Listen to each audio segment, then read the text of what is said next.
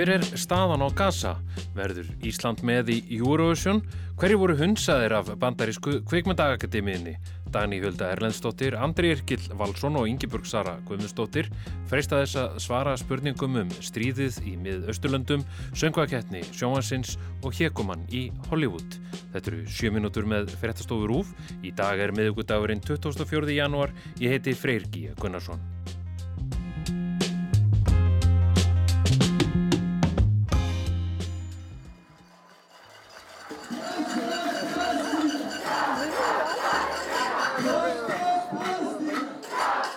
Það vil stundum gerast með styrjaldir að, að þær færast smán saman neðar í fréttatímana og aðtikli fjölmjöla beinist annað.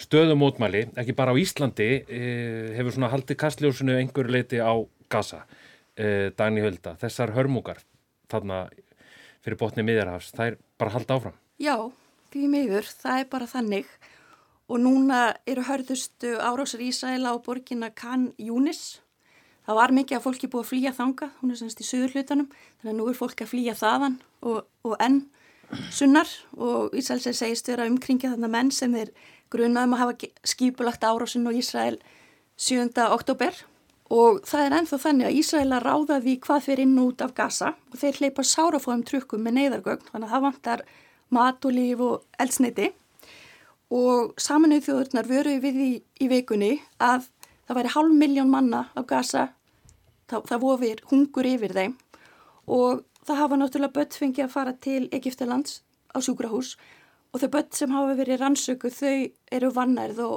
og óeðlilega létt, þannig að þetta er að byrja að gerast.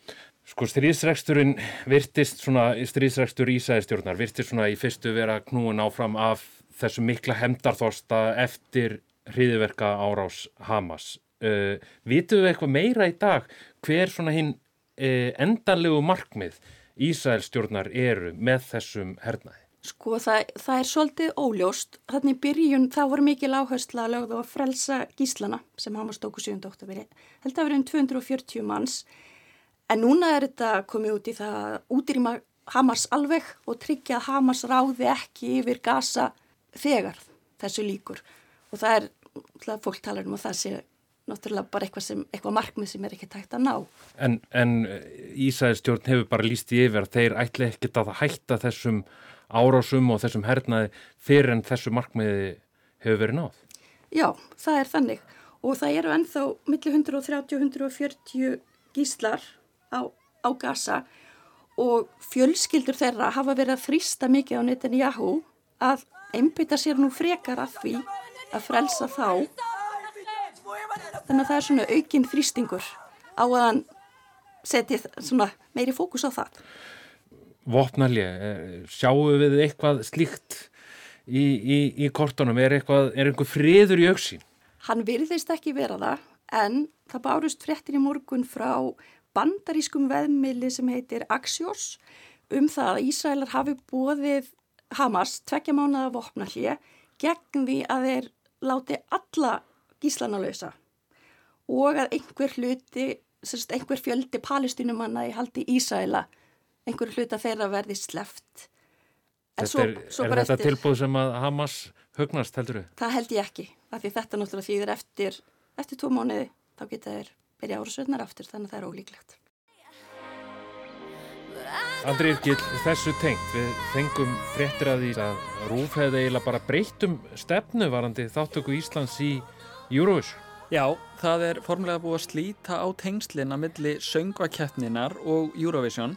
Það verður ekki lengur þannig að sigurvegarinn verði sjálfkrafa fulltrúi Íslands í Eurovision, heldur verður loka ákverðun með þáttöku Íslands tekinn í gefnu samráði með sigurvegar. Og þetta er stefnubreiting? Þetta er stefnubreiting og svar við þessu ákalli og gaggrinni sem hefur verið á rúf fyrir að ætla að taka þátt og þetta var ákveðið í samráði við keppendur. Þeir Já, það voru landstektir tónlistamenn sem voru búin að skora á rúf að endur skoða uh, þáttöku sína í, í Eurovision. Já og keppendur finna fyrir þessari pressu að uh, taka þátt í Eurovision þrátt fyrir þáttöku Ísraels og þarna telur Rúf sig verið að taka pressu af keppendum að þau eru ekki að taka loka ákverðun með að taka þátt í Eurovision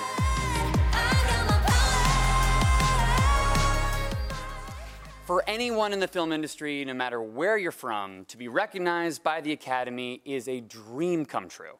Yngibjörg Sara, Akademian, hún kynnti tilnemningar til Óskarsverðununa í, í gær. Eh, það vekonu ekkert síður mikla aðtekli hverjur eru ekki tilnefndir. Hvað, hverjir voru hundsaðir af Akademíunni? það sem var kannski mest ábyrrandi voru tilhemningarnar uh, sem Barbie myndin fekk og kannski hvað hún fekk ekki.